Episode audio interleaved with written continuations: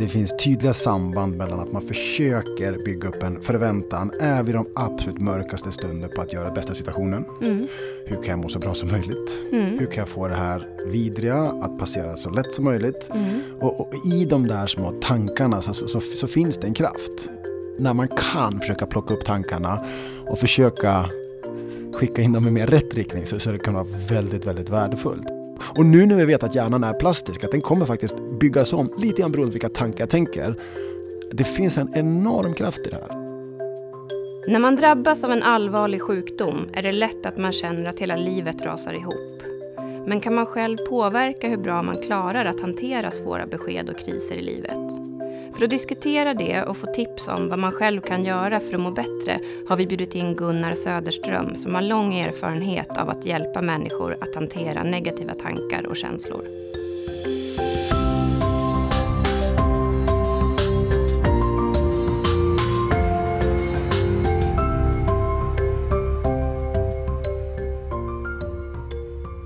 Ja, idag har jag med mig Gunnar Söderström som jag tror att många kanske känner igen namnet på.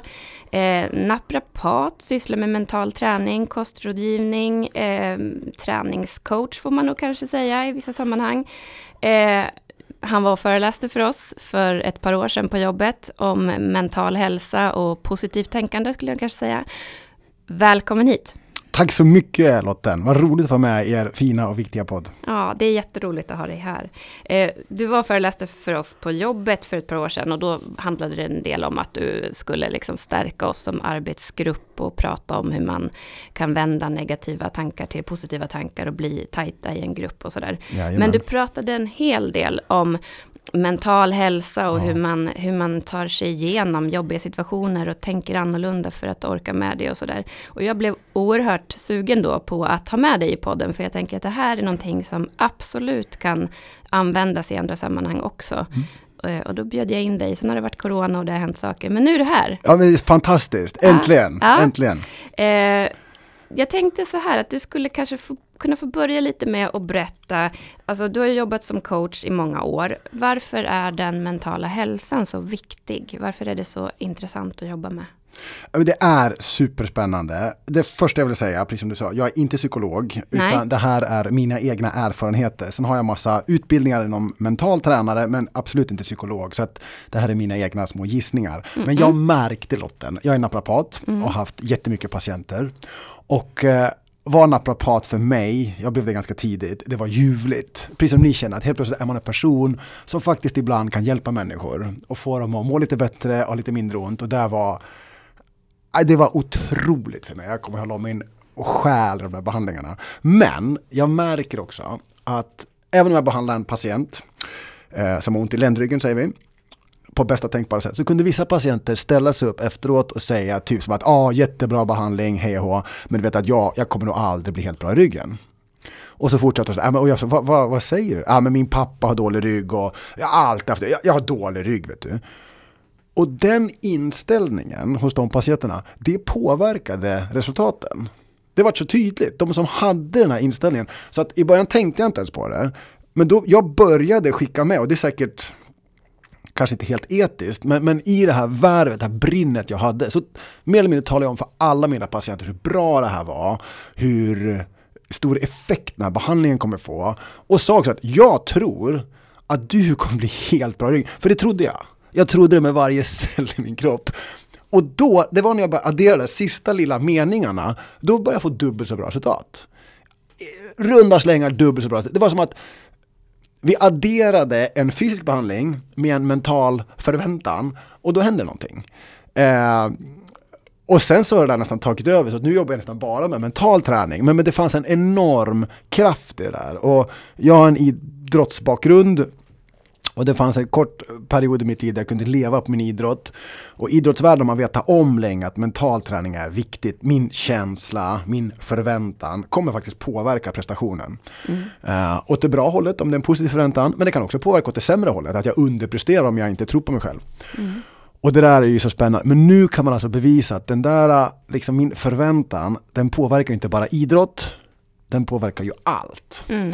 Eh, Och där är jag just nu och försöker flytta fram de här positionerna och lyfta det här. Jag, jag tror ju så innerligt att vi människor har en inneboende kraft som vi kanske fortfarande 2021 inte utnyttjar till dess fulla potential. Att vi har våran förväntan påverkar mer än vi kanske, kanske till och med anar. Mm. Och det finns jättemånga roliga enormt spännande exempel på det runt omkring oss där man faktiskt får ett insikt i att ja herregud, så där kan det ju vara och hur mycket det mentala påverkar och så. Och det är jättespännande. Ja, jag, jag förstår, du, du sprudlar när du pratar och jag, det, jag känner igen det här från, från två år sedan, att man, liksom, man blir smittad, man blir så här, du vet som när man sätter i ett flygplan och man sugs bakåt i stolen, att man bara okej, okay, liksom, jag köper det här, det, jag, liksom, jag har inget att sätta emot. Jo då. Ja, eh, och det är fantastiskt, jättehärligt. Eh, man önskar att det var bild också, så att man fick se liksom, din, dina gester. eh, och då kan man ju undra, varför är du här då? Liksom, podden som handlar om, om cancer och cancerbehandling och mm. hur det är att drabbas av en sån sjukdom. Mm. Eh, och det är just det som jag tycker är intressant, för att Eh, man pratar ju såklart en hel del om liksom inom cancervården och patienter som jag möter också att liksom det här ska jag klara eller det här kommer aldrig gå. Det är sånt man hör liksom. Ja. Eh, och det är ju, kan jag tycka ibland lite känsligt att ja. prata med patienter om att liksom bara du kämpar eller sådana saker. Det kan lätt vara liksom, det kan bli fel tycker det jag. Kan bli extremt provocerande. Eh, så. Men, men om man drabbas av en allvarlig sjukdom som, som cancer ofta är ju eh, så är det ju lätt att man liksom får den här känslan att hela livet bara rasar, allt är kört, nu liksom vad, vad har jag att kämpa för och, och så. Mm. Och det, är, det är en naturlig reaktion. Mm. Eh, och, och man kan ju liksom inte kanske gå till att man kan påverka hur det kommer att gå, för det, är ju, det ligger mm. utanför ens, eh, ens eh, vad man kan stå för, eller vad man kan påverka. Men hur skulle du säga att man kan påverka, eller kan man påverka hur man hanterar svåra besked som att få en dödsdom kanske det är då. Man får mm. en, en, ett besked om att man har cancer. Hur kan man påverka det? Ja, först och främst vill jag säga att då sitter jag här just nu som jag förstår helt frisk. Mm. Och då är det otroligt kaxigt att sitta och säga tänk positivt, hej och hå. Vad mm. fan vet jag hur det känns där och då. Eh, så det, det, kan jag nog tyvärr inte svara på. Men jag kan absolut försöka svara på att det finns tydliga samband mellan att man försöker bygga upp en förväntan, är vid de absolut mörkaste stunder på att göra det bästa av situationen. Mm. Hur kan jag må så bra som möjligt? Mm. Hur kan jag få det här vidriga att passera så lätt som möjligt? Mm. Och, och, i de där små tankarna så, så, så, så finns det en kraft. Mm. När man är som mörkast då kanske man inte kan det. Mm. Eh, och, och, det kan man inte begära av någon heller. Det finns en berömd skidåkare som heter Per Elofsson som sa att det är bara att bryta ihop och komma igen. Och det får man nog acceptera att så, så får det också vara och det betyder inte att man inte är tillräckligt stark. Det kanske är bara att man har varit stark så himla länge så man, man orkar inte längre. Mm. Men sen så rätt vad det är så kanske man kommer i en liten fas och att då försöka rikta tankarna åt det positiva hållet. Mm. Det, det, är, det, är, en jättevinst i det här och, och, du som jobbar inom sjukvården vet ju ja, men den här kraften i en patient som, som vill bli frisk. Och det vill ju alla såklart bli. Jag känner att jag måste vakta mina ord här så att jag inte pekar några pinnar. Men, just men det tror jag inte att du gör. Nej, jag bra. tror att vi, det är väldigt tydligt att vi båda två är medvetna om att vi nu liksom dansar kring en, en att ja, det, det, är jättebra. känsligt. Och jag tror att det, det, är viktigt och det tycker jag du får fram också, att det här handlar inte om att på något sätt skuldbelägga, utan det här är bara försök till ja. att hjälpa. Att hur ska man kunna göra liksom? Ja men jag försöker tänka superpositivt men jag blir ändå sjuk ibland. Så det, mm. det, är inte det vi säger. Nej, nej. nej, jättebra. Men med det sagt så finns det otroligt spännande studier om hur mycket kroppen faktiskt påverkas av våra tankar. Mm. Jag läste en studie här på Akademiska tror jag det var 2015 om astmamediciner. Man skulle testa där halva gruppen då får den här nya superduper astmamedicinen och andra halvan får placebo. I den mm. eh, var det bara vattenånga. Mm. Och då var det en kompis till mig som var med i den här studien och hon mm. hamnade, vet vi nu, i placebogruppen. Mm. Så hon får bara vattenånga men hon tycker det här är spännande och intressant. Till slut blir det hennes tur, hon får andas in det där som vi vet är vattenånga men som hon tror kanske är en supermedicin. Mm. Och hon och så frågar hon hur känns det? Hon säger att wow, jag känner jättestora resultat, helt otroligt ju. Men det där är ju bara hennes känsla, den går liksom inte att lita på. Men då gjorde man också en magnetkamera på alla då patienter, både i placebogruppen och i de som fick medicin. Och då såg man att när hon andades in vattenånga, som hon trodde var en medicin, då vidgas hennes luftrör. Mm. Och det där är ju en liten hint om att min om jag pratar om förväntan nyss, mm. min, min, förväntan på framtiden kommer kunna spela roll också. Mm. Och även det här man faktiskt med mental träning säger de kan, kanske kan till och med stärka immunförsvaret. Mm. Att det finns studier som visar att optimister faktiskt lever längre än Mm. pessimister. Mm. Så därför på det finaste, snällaste sätt så ja, när man kan försöka plocka upp tankarna och försöka skicka in dem i mer rätt riktning så, så det kan vara väldigt, väldigt värdefullt att Mm. försöka skapa ett hopp. Och det är jättelätt att skicka iväg tankarna i rätt riktning när man är glad. Det är tufft att göra när man är ledsen och liten och nedstämd. Och det är därför Lotten, man måste vara mentalt stark. Att Mm. orka tänka åt det positiva hållet Mm. även när man är lite ledsen. Mm. Men och då liksom hur, hur är ju den stora frågan. Mm. Om jag sitter här nu, har fått Mm. det här beskedet Mm. och som du säger, bryta ihop, det, det, det Mm. måste vi Den- den kanske vi. göra. Ja. Den löser sig av sig Ja. själv. Ja. Och sen, hur börjar jag kunna hitta? Det, det känns ju då kanske som att allt är svart. Vad ska jag kunna hitta som är positivt? Det finns ingenting positivt i det här. Nej. Hur gör jag för att kunna hitta? Var, var börjar man? Ja, det, jag, önskar att jag hade ett, ett A-lösning här. Men till slut så får man försöka komma fram till att jag brukar landa i det här att vi människor, vi kan inte komma ihåg allt. Vi kan bara komma ihåg en liten del. Eh, mm, för 30 år sedan trodde man att på en vanlig dag kommer jag ihåg ungefär 10% av all den information jag får från mina fem sinnen. Nu tror man att den här siffran är ännu lägre. Just för att vi får så otroligt mycket information på oss från sociala medier och hej. och Jag bara kommer ihåg en liten del. Så det som är absolut mest avgörande om jag har en bra eller en dålig känsla.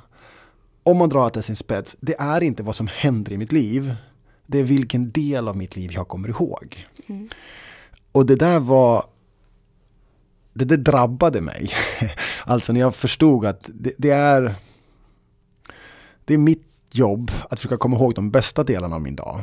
Det Mm. kommer vara skittuffa dagar och det kommer vara orättvisa dagar och det kommer vara vidriga dagar. Mm. Men jag, eh, om vi vänder på det, så det finns människor som har allt. Mm. Friska barn, friska personer, dyra hus, fina bilar. Men de är ändå missnöjda. Mm. För de lyckas komma ihåg det där lilla som inte är perfekt. Och då kan man, fast de har allt, lyckas skapa en dålig känsla. Och då borde man kunna göra tvärtom också. Att även på en jäkligt tuff livsresa kunna hitta små grejer som är bra. Och det där är egentligen nyckeln till livet. Mm. Att, att orka försöka, jag brukar prata om att man får försöka fråga sig, när vi somnar på kvällen då sjunker hjärnans EEG-frekvens. Och det där passagen precis innan man håller på att somna, när man är så här. "Ah." Och det man säger då och det man tänker då, det verkar, det är en passage rakt in i det undermedvetna. Så att, att där och då försöka fråga sig själv frågor som, vad var bra idag? Jag vet att det var mycket som var tufft, men fanns det något som var bra idag? Och den där typen av frågor gör att vi filtrerar våra intryck och kanske kan börja komma ihåg de där som var lite bättre. Och i samma stund jag gör det, då kommer jag börja glömma de där som var lite sämre. Och då kan jag börja nästa dag med en minimalt liten bättre känsla. Och så jobba igen. Och, jobba. och nu när vi vet att hjärnan är plastisk, att den kommer faktiskt byggas om lite grann beroende på vilka tankar jag tänker.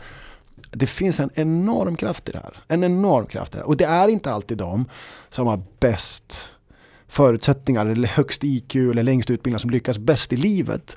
Jag, jag får ju för mig att det är att vi som använder den här kraften bäst, försöker få ut den bästa varianten av oss själva, har Ja men det finns en potential här. Mm. Jag vet inte om det var svar att på din vara, fråga. Jo, men... men det var jättebra svar på din fråga. Och jag tänker, kan det vara, kan det vara hur små saker som helst? Alltså, ja, Kan det vara att så här, nej men, jag köpte avokado, en var faktiskt eh, jäkligt bra i den här Ja, avokadolotteriet. det är helt sjukt, det är så man får börja. Nu ska Sådana små saker. en Sen spelar kanske inte det så stor roll egentligen om jag ändå har fått en sjukdom som jag vet att jag ska dö av. Men är det så, kan det vara en sån liten Ja men sak? vet du, det är nästan där man måste börja, speciellt när man är riktigt lågt. Nu blir det här ett ytligt exempel, men jag coachar ett hockeylag som spelar SHL och jag kan inte ett skit om hockey. Mitt enda jobb med dem, det är att försöka ge dem en bra känsla. Så efter varje match, då frågar jag så här, vad gjorde du idag som var bra? Vad gjorde du idag på matchen som var bra? Och när de har vunnit, ja men då är det där jättelätt. Två mål och en snygg passning och en tackling, hej och hå. Det är skitlätt att sätta in en bra känsla när det går bra. Det kan alla. Det är tufft att sätta in en bra känsla när de har förlorat. De har förlorat en viktig match, hela publiken står och buar och jag frågar vad gjorde du idag som var bra? Och de säger, vet du, ingenting. Allt var dåligt. Men jag ger mig inte för jag måste, okej vi struntar i själva matchen. Hur var uppvärmningen idag? Hur kändes den? Och de säger, ah skitdålig. Hur var dina skridskor idag? Ah oslipade. Till slut kom vi fram till, jag frågade, fanns det någonting, fanns det något? Till slut kom vi på att det enda som var bra, det var knoppen på hans hockeyklubba. Den var skön. Jag hade en skön knopp på min hockeyklubba. Ja, då får vi börja där. Mm. Vad var bra idag? Knoppen på min hockeyklubba. Mm. Och det är apropå att liksom jämföra med avokadon. Att man, och det är nästan kusligt vad, vad djupt man får gå ibland. Liksom. Att, men, men ja, det, och det där är ju riktig mental styrka. Mm.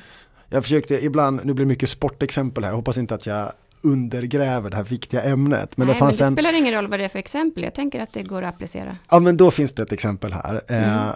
det var OS i Sochi 2014 och jag följer längdskidåkningen jättenoga.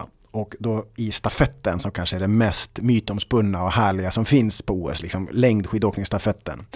Då har herrarna vunnit OS-guld i eh, Salt Lake fyra år tidigare som är titelförsvarare. Och då slumpar det så att vi slänger in en helt ny kille, oprövad kille som heter Lars Nelson på första sträckan. Och man kan inte vinna en stafett på första sträckan, men man kan förlora den. Är man långt efteråt så är, ja, då är det kört. Mm. Och Lars är så otroligt upp över öronen, ut och in nervös. Han ska åka OS första sträckan, alltså det är oh my god. Och Stadion kokar, alla nationerna står där. Sverige, Lars Nelson, starten går, de tar en varva in i stadion. Alla bara jublar. Det kanske är en kvarts miljard, en halv miljard tv-tittare. Efter 700 meter ser man alla andra åka ut i skogen, utom han, för han står helt still i spåret. Och då har han tappat skidan.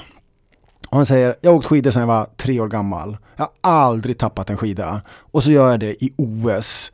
Inför en, han bara sa att det här, alltså jag förberett mig för allt, det fanns inget värre.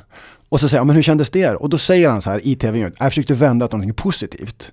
Och jag tänkte bara, hur fasen ska han lyckas vända en tappad skida till någonting positivt?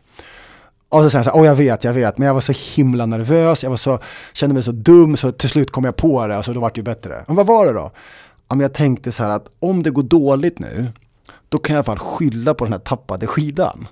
Eh, och då fanns det ett mikroskopigt lugn i det. Och till slut får han på sig skidan, han åker i kappgruppen, han vinner första sträckan tillsammans med finländare och Sverige tar sitt andra OS-guld. Och jag bara, om en tappad skida i en OS-final kan vara någonting positivt, då är det ju mycket som kan vara det egentligen, mm. om man är på den där nivån. Mm, mm. Ja, ja. Det, är, det, är faktiskt ett, det är faktiskt ett bra exempel, jag håller med om det. um, jag tänker så här, om, för de som är helt liksom främmande för det här med att jobba med sina tankemönster eller med liksom mental hälsa, motivation och sånt. Mm. De känner så här, nej men det här är något himla, och det är så här lite hurtigt och liksom ja. sådär, ja, det här är inget för mig.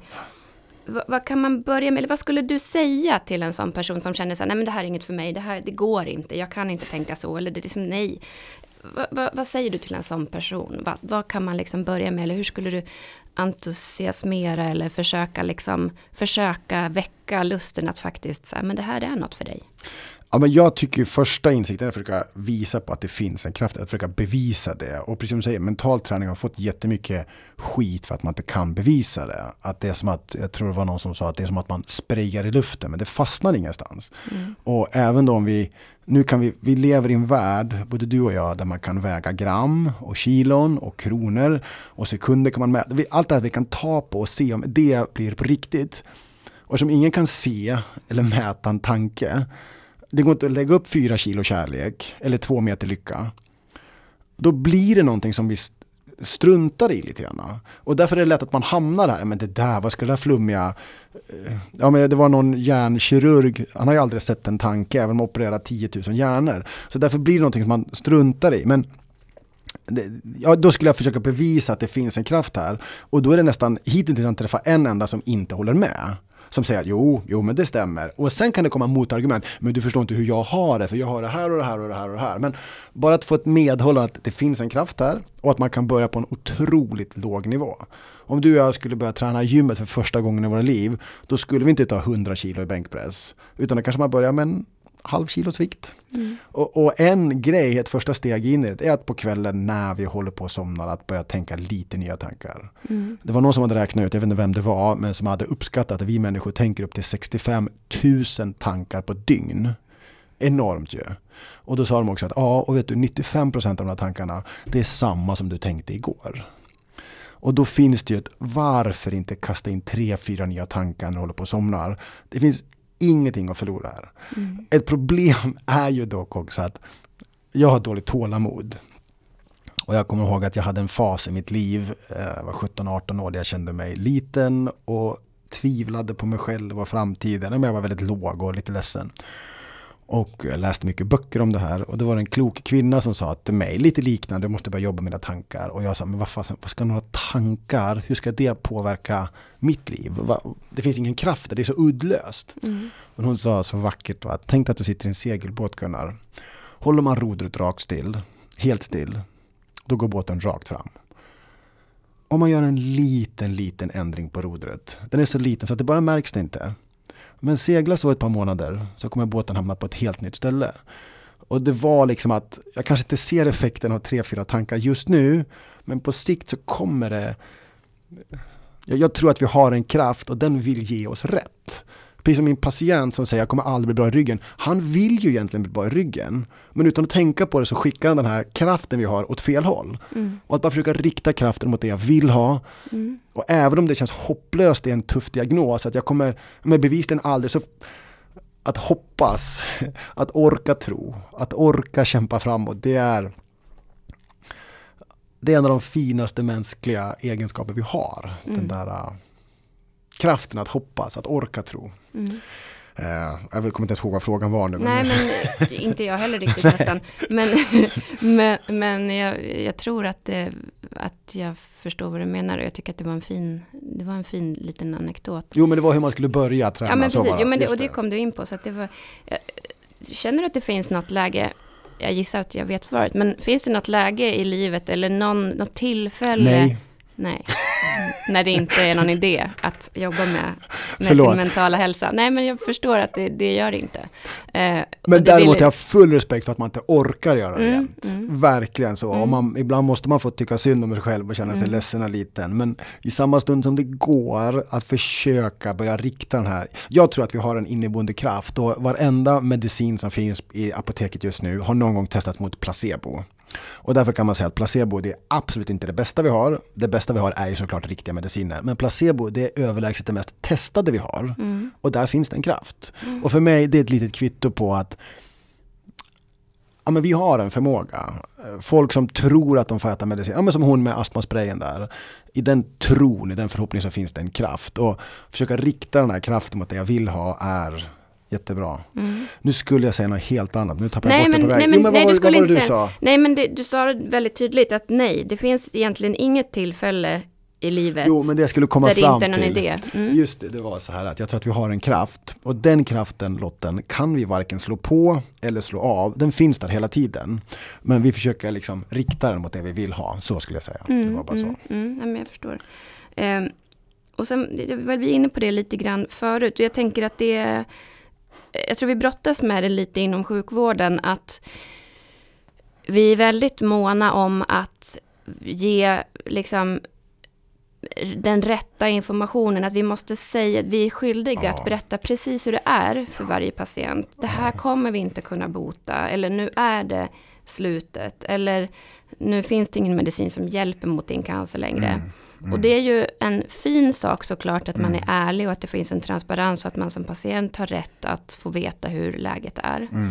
Men jag tror att det kanske finns en eh, jag, jag kan känna, ibland känna själv att jag liksom har svårt att både säga precis som det är och vara ärlig samtidigt som jag ju inte vill ta hoppet från en patient. Nej. För ett hopp behöver inte betyda att man tror att man ska bli frisk när man inte kan bli det. Utan mm. hoppet kan vara någonting helt annat. Mm. Och det är inte jag som ska ge patienten Nej. hopp. Utan jag ska hjälpa patienten ja. att själv skapa sitt hopp. Finns det någon liksom vi är inne på det också, det här med liksom att skuldbelägga att de som inte lyckas då, om man nu får uttrycka sig så, mm. lyckas hitta en inre styrka eller mental styrka. Att liksom se någonting positivt eller någonting som kan bli till tröst eller hjälpa. Mm. Att man skuldbelägger. Liksom, vad, vad, tänker du kring det? Den här mm. balansgången. Var ärlig och säga som det är men ändå försöka liksom hjälpa att känna ett hopp. Alltså hur... Liksom... Ja, men jag förstår precis vad du menar och jag tror att det var precis det jag gjorde fel i början. För mig var det ganska bra. Jag talar om för alla mina patienter, du kan bli bra. Det kan kanske inte alla patienter bli i, i, hos en naprapat heller, såklart inte. Eh, och jag tror att det är väldigt viktigt att man i er professionella, superviktiga och förtroendegivande roll är ärlig. Men man kan också avsluta med att säga, men vet du det finns exempel där folk har tillfrisknat. För det finns det ju. Det finns ju inte en enda sjukdom som någon inte blivit helt frisk från. Även de här värsta steg 3 cancer eller mm. svårt drabbade malignt melanom så finns det ju folk som du får kalla det mirakulöst har blivit friska och det kan man alltid lämna patienterna. Men vet du vad? Det finns folk som har blivit friska och bara det, mm. bara det, oh, det, det är en jättefin och det är också en jag tror att det du säger i din roll det kommer jag ta så otroligt stort allvar på. Så därför är det jätteviktigt att det du säger, det kommer folk komma ihåg eh, i din roll som vårdgivare. Mm. Eh, så därför är det smart att försöka lägga orden på ett sånt sätt att det här är ärligt, det här är fakta. Men jag hade en patient för 14 år sedan och han blev helt frisk. Mm. Eller jag läste om en person i Mm. Bangladesh. Som blev, alltså bara det där, att, att ge dem lite hopp och, ge dem mm. att, och då, då kan det Ja, det kan betyda jättemycket. Mm, mm, jag håller med dig. Och det eh, tror jag och hoppas att vi gör. För det är klart, precis som du säger, man kan, statistik är statistik, men precis den personen som sitter här framför mig ja. har jag ingen aning om hur det kommer gå Nej, för. Nej precis eh, så kan man också säga. Och jag menar, så är det ju. Det är ju, det är ju helt sant. Eh, jag tänker att lite grann också skulle vilja komma in på det här med, med fysisk aktivitet. Ja, för du är, eh, du är, jag vet att du är får jag säga träningsnarkoman? Nej, det säger man inte. Jo, nej, det, har, det låter det... negativt, men, men du är otroligt, du, du tränar mycket. Och ja. du befinner dig i träningssammanhang. Du, vad jag förstår, kanske anordnar lite så träningsläger. Du har helt rätt. Ja. Helt rätt. Eh, och du, jag tänker så här, vi vet idag, mm. fysisk aktivitet är bra för så många olika saker. Yes, nu pratar jag om alla generellt, liksom sjuka, friska, gamla, mm. unga. Eh, men vi vet också om man nu ska gå till cancer och cancerbehandling att där har vi sett i studier att det ja. är positivt för så mycket olika saker. Mindre biverkningar, till och med ibland bättre resultat av behandlingen, bättre psykiskt välmående, ja. massa saker. Men jag läste nu en studie att till och med de som vaccineras mot covid får ju bättre resultat om man har tränat eh, i samband med det. Att, att det tar ännu bättre. Så det finns ju en tydlig koppling mellan starkt immunförsvar och fysisk träning. Mm, mm. Och det är ju jättefascinerande. Och jag tänker, ja. vad, vad, vad, ser du som den, liksom, de viktigaste delarna med vad som är så bra med att försöka vara fysiskt aktiv? Wow, ja det är ju väldigt brett och såklart. Eh, men om jag ska börja där så är det ju roligast att när jag började träna, då var jag 20, eller när jag började träna andra människor, då var jag 20 år och då pratade man om fettförbränning, för det ville folk höra, och bygga muskler och hjärtat och lungorna. Och det var ju som allting var bra. Men nu, det är spännande att nu det organ som påverkas absolut mest, det är ju hjärnan. Eh, och det då till och med kan bromsa åldrandet. Har vi sett i Anders Hansens fina böcker. Men även då samma effekt på immunförsvaret med nu har jag glömt vad den här körteln bakom bröstbenet heter. Thymus. Thymus, tack så mycket. Att eller den, pressen, eller vad heter det? Nej, ja, men thymus var ja, det ordet ja, jag letade mm, efter i alla mm. fall. Mm. och att den eh, också krymper i takt man blir äldre. Men att mm. träning då har en väldigt positiv inverkan på det. Så att om jag pratar direkt kopplat till cancerpatienter så är det framförallt ett starkt, och det här med nya T-cellerna, att man faktiskt kan få dem att öka och eh, bli ännu mer effektiva. Det är jättespännande och hela den här immunterapin bygger lite grann på det. Att öka kroppens egna immunförsvar. Så att, ja, listan kan göra otroligt lång där. Men också det här välmåendet som uppstår. Att jag är ju, jag känner mig starkare. Jag känner mig lite, lite mer nöjd med mig själv efter ett träningspass. Och i den fasen är det lättare att tänka starka tankar också. Mm. Uh, och sen tycker jag det är spännande då, nu finns det också studier som visar på att man kan förstärka den fysiska träningen med mental kraft. Mm. Två grupper har gjort exakt samma träning. Den ena gruppen har gjort träningen efter alla konstens regler. Den andra gruppen har gjort exakt samma träning. Men de har lagt till någonting som den här studien från 2017 kallas för självprat. Att man förstärker, liksom tänker att nu tränar jag biceps. Eh, och de får ju då ännu mer resultat. Och egentligen är det ju inte konstigt för att det är ju precis det här som jag menar, medicin också kan göra. Alltså medicin har ju en effekt. Träning har en effekt. Och då kanske man kan förstärka medicinens effekt också mm. med en förväntan. Att jag lägger på en placebobehandling på den redan riktiga behandlingen. Mm. Eh, och, och, det är ju superintressant då. Mm. Eh, Jag gjorde det där med ett hockeylag som heter Brynäs, att de fick, eh, jag ritade upp en bild vad som händer i muskeln när vi tränar, hur fibrillerna eh, byggs och de blir större, hur tvärsnittsytan i muskeln ökar. Och så fick alla göra en bild i sitt huvud, hur ser det ut när dina muskler blir större? Och vissa hittar ju på, ja men det är en liten lastbil som kommer med trådar, så jag fick bara göra en egen bild, hur ser det ut? Mm. Gör en bild hur det ser ut. Och så varje gång de körde till exempel bänkpress så fick de då hänga upp stången och så säga att det skulle vara starka armar, starka armar. Och så vevar den här bilden att nu får jag större muskler. Och så fick de göra bort och göra benböj, gjorde benböj och så hängde upp den stången och så fick de slå sig på låren så här, starka lår. Och så vevar den bilden att nu får jag starka lår. Och jag räknade ut att de sa 600 gånger på en sommar, starka armar, starka ben. Och då fick vi väldigt bra resultat också. Nu hade vi ingen kontrollgrupp, det vill man inte ha, man vill ju få med alla på tåget. Men vi fick mm. väldigt bra resultat i alla fall. Mm. Ja, det är fascinerande. Och, ja, ja, men därför tror jag också att det här är framtiden. Att det, det, finns en mer kraft där vi kan nästan applicera på vilka andra områden som helst. Och jag mm. vet när jag pratade för er för några år sedan, berättade om det här intelligenstestet. De har lyckats lura halva gruppen man samlar in en stor mängd människor där alla har samma IQ.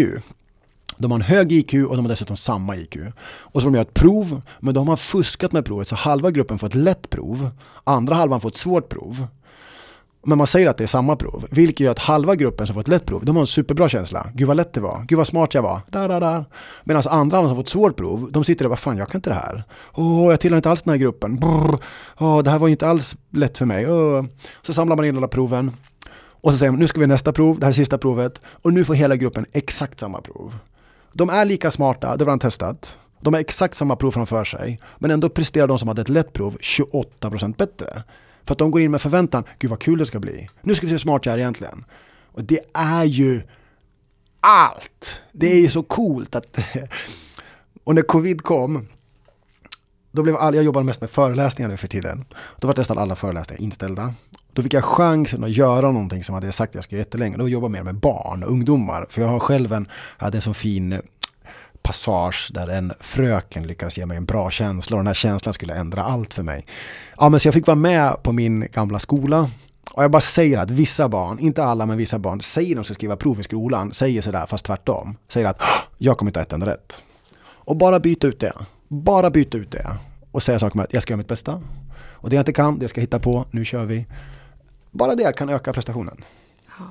Det är fantastiskt. Ja, man skulle vilja ha dig, alltså, i, ja, men det är inte mig. Så jo, men jag skulle vilja Vi ha dig i så många olika liksom, tillfällen under dagen där, där det liksom är lite motigt och bara så här, ja. Tut, ja. så kommer det gå Nej, men Jag tycker att det här borde vi in med på skolämnet. Alltså, ja, absolut, äh, absolut. Äh, plocka fram den här kraften, ta fram vårt bästa jag. Ja, ja, jätte, jätteviktigt. Nu, nu har du fått mig rullande här, så nu kör jag på. Ja, absolut, absolut. Då kommer nej, tänker... ny... Ja, förlåt, säg du. Nej, du, du ville säga någonting? Ja, men kort Fort. bara. Ja, nej, det har kommit en ny studie. Mm. Eh, det var 2014 av en kille som heter Sean Aker i USA. Och det blev en bok och boken heter The Happiness Advantage, alltså fördelar med en bra känsla. Och då kan han i de här breda, stora, starkt vetenskapligt baserade studierna visa att när vi människor har en bra känsla, då är vi 40% mer kreativa. 38% mer produktiva, 37% bättre på försäljning och det de visar i studier är att doktorer som har en bra känsla, de ställer 19% snabbare och säkra diagnoser. Så därför är det bra med en bra känsla för ja, men Absolut. Toto Balutti. Det, det kommer ja. påverka så mycket. Alla. Sen har jag varit så länge i gamet så att när någon säger 40% då blir jag alltid lite tveksam. De där extremt stora siffrorna, då liksom, mm. Men att om det bara finns en kraft här så, så är det ändå spännande. Mm. Absolut. Och jag tänker så här, om man är med, om man nu tänker att träning är bra, eller träning, men liksom aktivitet, fysisk aktivitet, vad det nu än må vara, ja. att det är bra som vi vet. Och så sitter man och har ont i hela kroppen och man orkar inte, men orkar inte ta sig upp ur sängen. Och det liksom känns bara som ett slag i ansiktet att ja. veta att fysisk aktivitet kommer göra mig bättre. Ja. Vad fasen ska jag börja med liksom? Är det även väldigt lite aktivitet positivt eller måste man liksom vara igång och röra sig rejält? Nej men det tycker jag verkligen inte. Och här finns det en fördel för otränade människor, eller folk som är mindre vana att träna om jag tränar någon som är på landslagsnivå och den personen ska bli bättre. Det krävs enormt många timmar för att det är en förbättring från den höga nivån. Alltså att gå från 32 minuter på milen till 31 minuter på milen. Det kanske tar ett och ett halvt års träning att ta bort en minut. Någon som är otränad, de får resultat av att bara gå för trappan. Så att det krävs enormt lite för att ändå få ett resultat. Mm. Och redan efter ett enda träningspass, jag tror jag läste någon studie som kallar för akut träning, ser man att immunförsvaret går upp lite grann. Blodtrycket sjunker. Så att ett träningspass. Och är man extremt otränad, då kan det räcka med, ja, med några minuter bara. Och då ska man inte då underskatta den kraften och den mentala kicken utav det. Att man faktiskt har gjort någonting, man får lite endorfin, man är lite nöjd med sig själv. Mm. Så det kan ju vara men jag har full respekt för att det är stentufft vissa dagar. Och speciellt, alltså det är tufft för vanliga människor, friska människor. Om man då fått en diagnos och man har ont och sliten och kanske tärd från behandling. Alltså det är ju blytungt. Men med det sagt så kanske det är ännu viktigare då att bara mm. försöka, men jag ska ta ett varv runt huset. Mm. Jag ska gå ut och dessutom finns det nya studier som visar att man står i sådana här starka positioner. Alltså vi människor när vi är ledsna, då sjunker vi ihop lite med axlarna, vi tappar ner hakan, vi pratar med lite lägre röst. Och när jag är glad då är jag tvärtom. Jag har axlarna bak, jag tittar upp, jag ler, jag där, Och bara ta fram den där positionen som jag har när jag är glad känsla. Det triggar vissa, då kan man möta att testosteronet ökar. Mm. Eh, både hos kvinnor och män med 22% efter bara några minuter. Så bara gå ut och sträcka på sig och försöka tänka de här positiva tankarna och nästan gå runt och le lite grann. Hur mm. töntigt den verkar. Man yes, lurar sig själv liksom det har en effekt. Igång. Ja, det har en effekt, ja. ja. precis så. Och du menar att är jag då helt ovan vid att röra mig så kan det räcka med att jag går ett par varv runt huset. Alldeles Inbillar mig att jag liksom nästan ja. låtsas ler ja. lite, andas lite, liksom ja. känner mig lite duktig så kommer det kännas bättre i hjärnan. Du kommer det, få en bättre känsla. Ja, det är inte bara, så, så det krävs det. inte mycket. Nej, men även det då så är det ju svårt ibland. Men, men jag hade en kompis som fick eh, en väldigt svår cancer i magen. Och hon är en fantastiskt sprudlande inspiratör, Leila Söderholm. Hon har berättat om det här om själv många gånger så därför kan jag berätta det här. Och hon hade så ont och var så plågad i början så hon kunde inte ens gå runt soffan. Så hon sitter i soffan och fingerdansar. Alltså gör små så här eh, party moves med händerna, lyssnar på musik och eh, Ja, det är en fin... det visar också på något den här kraften vi människor har att jag ska minsann inte ge mig. Jag ska mm. kämpa på. Mm. Vad kan jag göra? Ja men vet jag kan göra det här. Uh, och nu är hon helt frisk då, som vi är jätteglada för. Men uh, ja, en fin, fin berättelse på något mm. sätt. Ja, verkligen. Jag skulle ju vilja sitta och prata i tre timmar och det är liksom, det är så fantastiskt. Och jag, jag känner att det är liksom det är hoppfullt, även för någon som inte är sjuk, att liksom känna att ja, men vi har det här inom oss. Och jag tror verkligen på det du säger. Det, mm. det är så tydligt när du berättar om det. Man blir inspirerad. Ja, men och det är härligt i så fall. Jag är övertygad om att det är väldigt många som kommer lyssna på det här som också kommer känna den känslan. Jag tänker att du ska få möjlighet att säga någon, något sista ord här eh, innan vi avslutar. Ja, men jag vet inte, men jag, jag, jag vill bara förstärka det här att vi vi har en kraft och vi kan försöka eh, skapa bra känslor och det finaste man kan göra det är också att inte bara skapa bra känslor i sig själv utan man försöker ge bra känslor till varandra och det kan kosta så lite och det kan betyda så mycket. Men, men nu när jag tänker att jag har en historia jag vet inte om den passar, men eh, min kära vackra morfar, han fick cancer. Och det hände 1996 och i den här fasen ska jag precis ta studenten. Och han fick diagnosen på hösten. Och då är jag så ung så att jag liksom tänker morfar har alltid funnits. Så liksom man tänker att han, han, för något konstigt, han kommer alltid finnas. Men så en majmorgon får vi ett samtal, morfar bodde i Danmark. Och en majmorgon får vi ett samtal till Knivsta där de säger att nu vet vi inte hur många timmar det är kvar. Och fast man vet om det så kommer det som en chock. Mm. Och chocken är värst för min mamma. Mm. Så hon bestämmer sig att jag vill åka ner. Mm. Och som det slumpar sig är jag hemma den dagen. Så att vi bestämde att vi ska åka till Danmark nu. Så vi mer eller mindre på en halvtimme kastar oss in i vår gamla Saab. Så kör man från Knivsta till Göteborg, färjan till Fredrikshamn, så kör man två timmar till till Randers. Och när, vi hade inga mobiltelefoner då, varken jag eller mamma. Så vi stormar in där och det visar att morfar är vid livet. Och mamma är ju inte glad men hon är lättad. Liksom, sådär. Och hon kommer ner från övervåningen och ser hennes ansikte att hon ah, är glad att hon åkte och kan få vara med morfar den här sista stunden. För han hade hemmavård. Eh, skulle få dö i hemmet då. Och sen börjar en totalt vidrig eftermiddag för min del. För att jag vet att där på övervåningen, där ligger morfar just nu.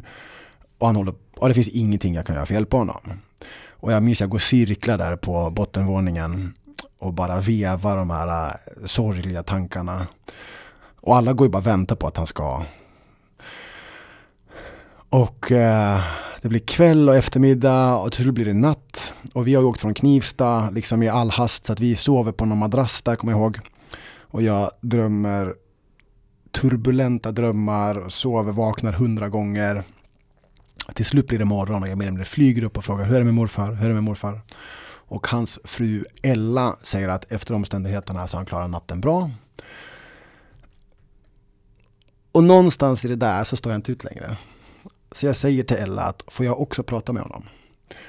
Och hon ser att jag är inget riktigt barn längre. Men jag är inte klar vuxen heller. Men hon säger att jo men om det här är viktigt för dig, absolut.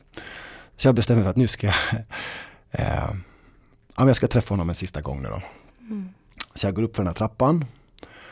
Och eh, jag kommer ihåg den här lukten som det är hos mormor och morfar. Och jag kommer ihåg att det var ett takfönster där det för stunden lös in ett som jag tyckte sorgligt gult ljus. Och så går jag fram till hans dörr.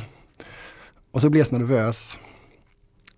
Men jag vet att jag måste göra det här för annars kommer jag ångra mig hela mitt liv. Så jag tar sats och jag går in. Och det jag vill säga det är så här. Jag älskar dig. Eh, men jag har inte de orden då. Så jag säger allting annat. Säger saker som att, såg du fotbollsmatchen igår? Eh, vad ska vi göra till sommaren? Har du fått några godis? Alltså vi pratar bara runt ämnet och han är ju sjukt sliten. Så han försöker smila upp sig för mig men jag ser att han har ju ont liksom och sådär. Och det blir inte alls något bra samtal.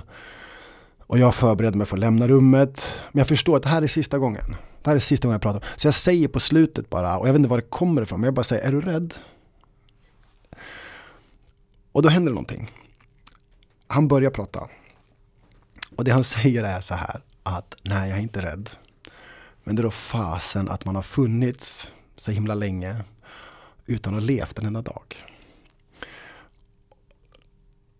Och det är jättesorgligt. Men det stämde lite grann. Min morfar har varit otroligt fin och snäll och bra. Men han har levt hela sitt liv och hela tiden oroat sig för saker. Han har skjutit upp grejer på morgondagen. Och sett faror som ingen annan har sett och sådär. Och han var frisör men han drömde egentligen om att bli kock. Och jag kommer ihåg när han som liten har berättat om jag ska starta en restaurang och då ska jag ha det här ljuset och de här maträtterna och det här och det här. Och det finns ett uttryck på danska som heter Du ska nog sig. En dag ska du nog sig. Som betyder att en dag, en dag ska du få säga. Och nu ligger han här och har liksom inga dagar kvar. Och det där skrämde mig så mycket. Och eh, han säger säkert inom loppet av två minuter tre gånger att vad var jag så rädd för? Vad var jag så rädd för, säger han. För nu när han har fått cancer, då har han börjat leva livet på ett helt nytt sätt. Alla de där grejerna som han varit rädd för, som han har skjutit upp, de blir nu totalt oviktiga. Jag vet inte vem det är som har myntat uttrycket, men det finns ett uttryck som heter det var som att döden öppnade en dörr till livet. Och han liksom bara ångrade att han inte öppnat den dörren själv tidigare. För nu, sista halvåret, sista året, då är varje soluppgång som ett himlarike och varje djupt andetag han kunde ta utan att hosta var ju fantastiskt. Och han och Ella bodde vid en liten sjö och de älskade att cykla runt den här sjön på sina gamla cyklar. Och det blir en jättefin stund och vi håller handen och jag bara känner att alla de grejer jag har varit rädd för, som har varit otroligt många, de bleknar när jag tänker på morfar. Jag tänker att, vad är jag så rädd för? Och jag tänker försöka använda den här kraften till att ingenting skulle vara värre än att komma till slutet av sitt liv och undra vad var jag så skraj för? Om morfar fick en chans till, shit vad han skulle starta cirkusar och våga fråga damer om de vill dansa med honom. Det har han aldrig gjort i hela sitt liv. Men vi får den chansen. Mm. Och då får man ta den och försöka, många av de här grejerna som håller oss tillbaks ja, de bleknar när man försöker. Och jag vet i alla fall att i början, jag tänkte på honom varje dag nästan. Att vad är jag så rädd för? Och jag, jag kommer jag skulle börja föreläsa och jag tänkte att om jag kommer av mig, om jag tappar byxorna, om jag ramlar omkull, that's fine, då har jag i alla fall försökt. Och när jag var runt 20 då anmälde jag mig så här på sjukhuskyrkan för att prata med folk som är i sådana här situationer. Och det, det, finns ju som ett uttryck att de som klarar sig från cancer, att we are the lucky ones, att man får ett perspektiv på livet. Uh jag vet inte hur det här landar, men man kan bara försöka få med sig den här kraften att, att använda alla de här dagarna vi har och det finns ett perspektivförskjutning i den här hemska sjukdomen. Mm. Jag tycker att det landar jättefint. Jag blir väldigt berörd, absolut. Jag känner att det var en fantastiskt fin avslutning. Eh, som jag känner, den skickar vi med alla som har lyssnat. Tack så jättemycket för att du kom hit. Tack Lotten, tack så jättemycket. Tack så jättemycket. Välkommen tillbaka. Ja men det kör vi på, det kör vi på. Tack. Tack så mycket. Hej hej. Och tack till alla er som lyssnat. Vill ni lyssna på oss igen finns alla avsnitt tillgängliga på vår hemsida www.enpoddomcancer.se eller i din mobilapp där du lyssnar på poddar. Om du vill komma i kontakt med oss finns vi på mejladressen enpoddomcancer.akademiska.se. Hej då!